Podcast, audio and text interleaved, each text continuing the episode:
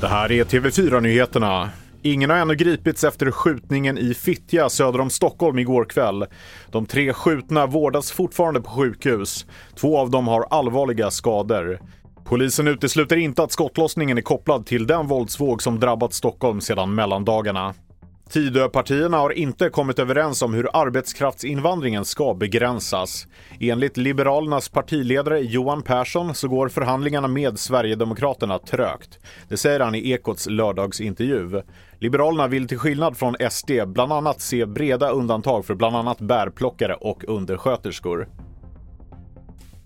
Ett märkligt fenomen har fångats på bild av NASA. Det är en stor bit av solens yta som har lossnat och som nu snurrar kring solens nordpol likt en stor polarvirvel. Det rapporterar bland annat Space.com. Enligt NASA är massan en del av solens yttersta lager och utgör de starka ljusstrålarna som kan ses kring solen. Fenomenet beskrivs som mycket ovanligt och väcker en hel del frågor bland forskarkåren.